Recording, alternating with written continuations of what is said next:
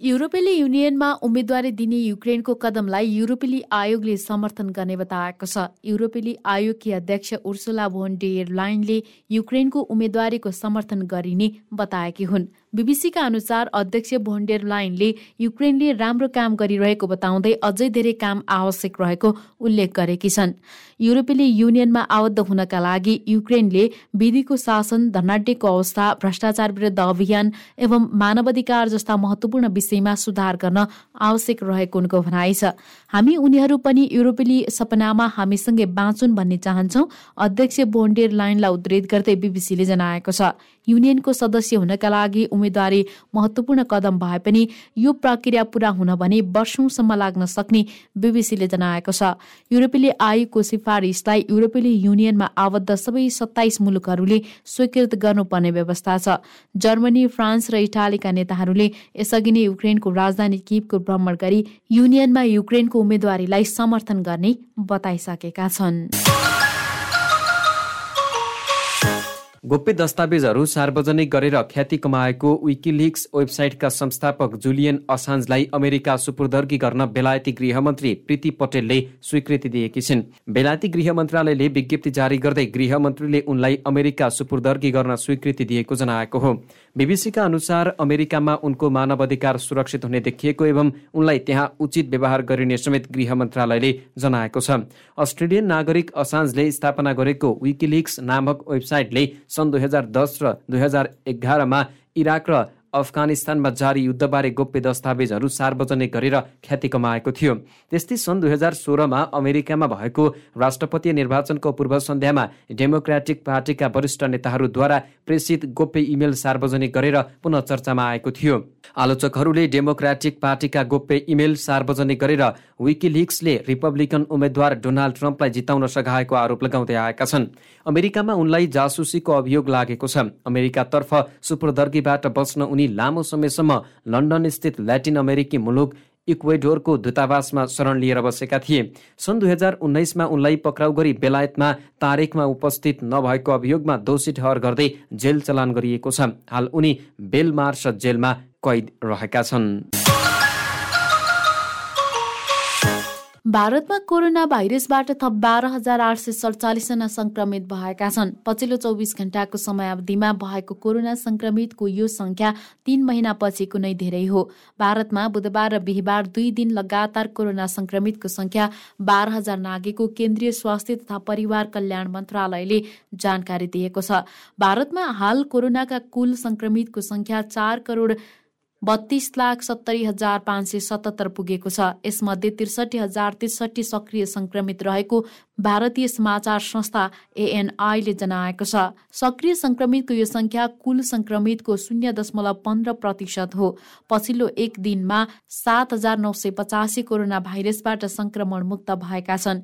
यो सँगै भारतमा अहिलेसम्म संक्रमण मुक्त भएकाको कुल संख्या चार करोड छब्बिस लाख बयासी हजार छ सय सन्तानब्बे पुगेको छ।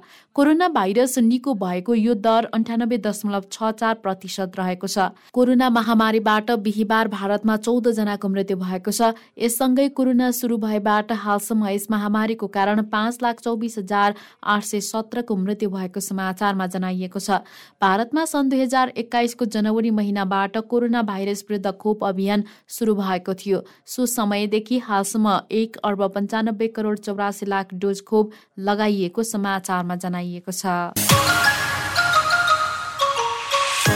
अमेरिकाको केन्द्रीय बैङ्कले ब्याजदर बढाउने घोषणा गरेको छ। विगत तीस वर्षको तुलनामा पहिलो पटक उच्च ब्याजदर बढाउने घोषणा बैङ्कले गरेको हो। फेडरल रिजर्भ बैङ्कले आगामी तीनवटा त्रैमासिकमा एक दशमलव पाँचदेखि एक दशमलव सात पाँचसम्मले ब्याजदर बढाउने घोषणा गरेको हो। सन् उन्नाइस सय चौरानब्बे पछि यति उच्च दरमा ब्याजदर बढाइएको पहिलो पटक हो। गत मार्चमा पनि ब्याजदर बढिसकेकाले अब बढ्ने ब्याजदरले अमेरिकामा महँगी निकै बढ्ने र उत्पादन क्षेत्र खुम्चिने अनुमानहरू अर्थविदहरूले गरेका छन्। यो वर्षको अन्त्यसम्ममा बैङ्कहरूले फेडरल रिजर्भ बैङ्कबाट सापट्टि लिँदा तीन दशमलव चार प्रतिशतसम्म ब्याज तिर्नुपर्ने अवस्था आउने बताइएको छ। यसले सर्वसाधारण पाउने ऋणको ब्याज पनि बढाउने निश्चित छ। यसैबीच बेलायतको केन्द्रीय बैङ्कले पनि ब्याजदर बढाएको छ। बैङ्क अफ इङ्ल्यान्डले ब्याजदर बढाएर एक दशमलव दुई पाँच प्रतिशत पुर्याएको हो। यो ब्याजदर तेह्र वर्ष यताकै उच्च रहेको बिबिसीले जनाएको छ। यसअघि बेलायतको ब्याजदर एक प्रतिशत थियो। बैङ्क मुद बैङ्क मौद्रिक नीति समितिको बैठकले यस्तो निर्णय गरेको जनाइएको छ। बैठकमा समितिका नौ सदस्य मध्ये छ सदस्यले ब्याज दर बढाएर एक दशमलव दुई पाँच प्रतिशत पुर्याउनु पर्ने जनाएका थिए भने बाँकी तीन सदस्यले ब्याज दर त्योभन्दा बढी एक दशमलव पाँच प्रतिशत पुर्याउनु पर्ने जनाएका थिए। मुलुकमा बढ्दो मूल्यवृद्धि र मुद्रास्फीतिलाई मध्यनजर गर्दै बैङ्क अफ इङ्ल्यान्डले ब्याज दर बढाएको हो। बेलायतमा मुद्रास्फीतिको दर नौ प्रतिशत पुगेको छ। यो चालिस वर्ष यताकै उच्च हो। बेलायती केन्द्रीय बैङ्कले यो एघार प्रतिशतसम्म पुग्ने अनुमान गरेको छ। अक्टोबर महिनामा मूल्य वृद्धि अझ बढ्ने बैङ्कको प्रक्षेपण छ। यसबाहेक बैङ्कले अप्रेलदेखि जुन महिनामा मुलुकको अर्थतन्त्र शून्य दशमलव तीन प्रतिशतले सङ्कोचन हुने देखिएको समेत जनाएको छ।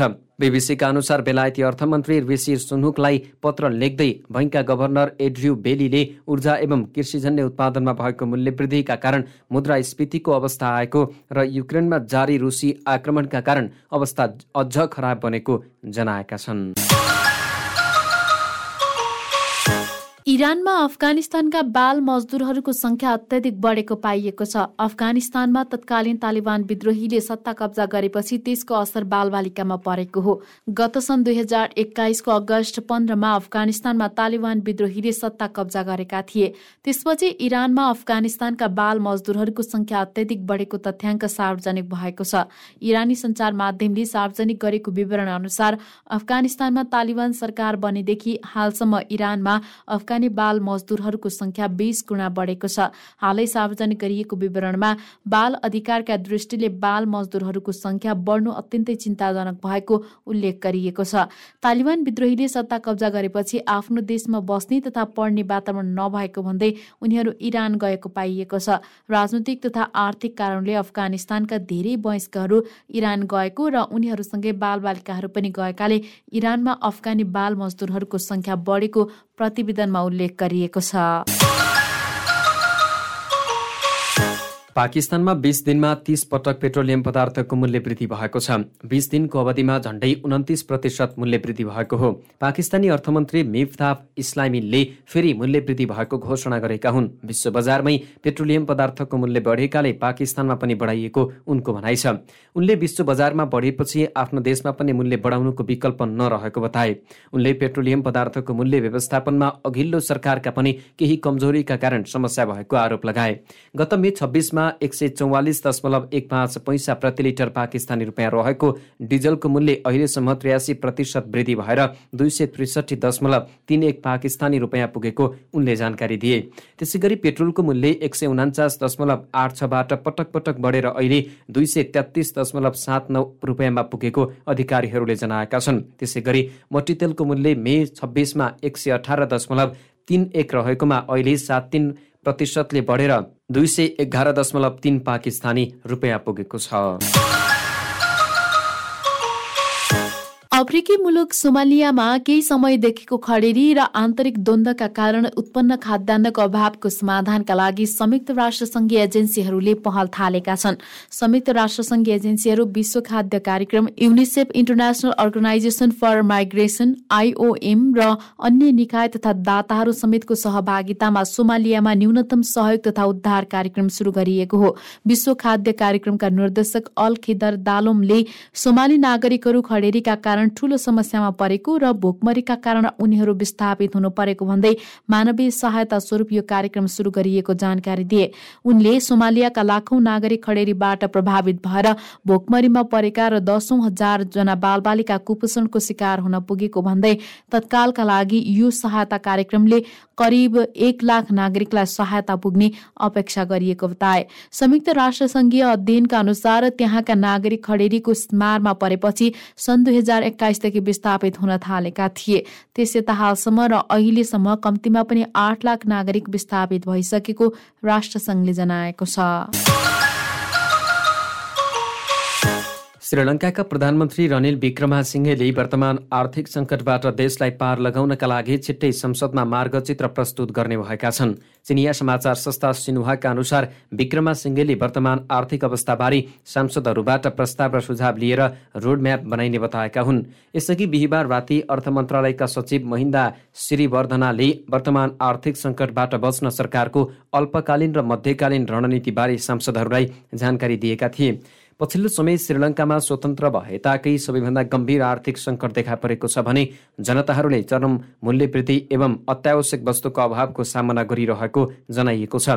देशको सरकारी इन्धन वितरक सिलोन पेट्रोलियम कर्पोरेसनले आफूसँग पाँच हजार मेट्रिक टन मात्रै पेट्रोल रहेको र यसरी दैनिक पाँच सय मेट्रिक टन मात्रै ग्यास पसलमा निकासी हुने गरेको बताएको छ। देशमा हाल इन्धन सङ्कट पनि जारी नै रहेको छ।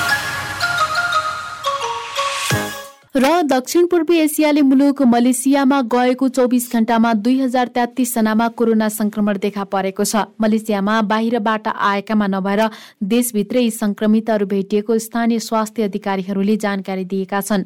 अधिकारीका अनुसार त्यहाँ गएको चौबिस घण्टामा मात्रै कोरोना भाइरसको संक्रमणबाट पाँचजनाको ज्यान गएको छ। हालसम्ममा मलेसियामा कोरोना भाइरसको संक्रमणबाट पैँतिस हजार सात सय तीसजनाको ज्यान गएको बताइएको छ। मलेसियाका स्वास्थ्य अधिकारीहरूले अहिले करिब पच्चिस हजार जना सक्रिय संक्रमितहरू रहेको जनाएका छन्। तीमध्ये केही व्यक्ति आइसियुमा रहेको बताइएको छ। तर पछिल्लो केही हप्ता यता भने त्यहाँ कोविड संक्रमितहरूको संख्या घटेको देखिएको चिनिया समाचार संस्था सिन्हुवाले जनाएको छ।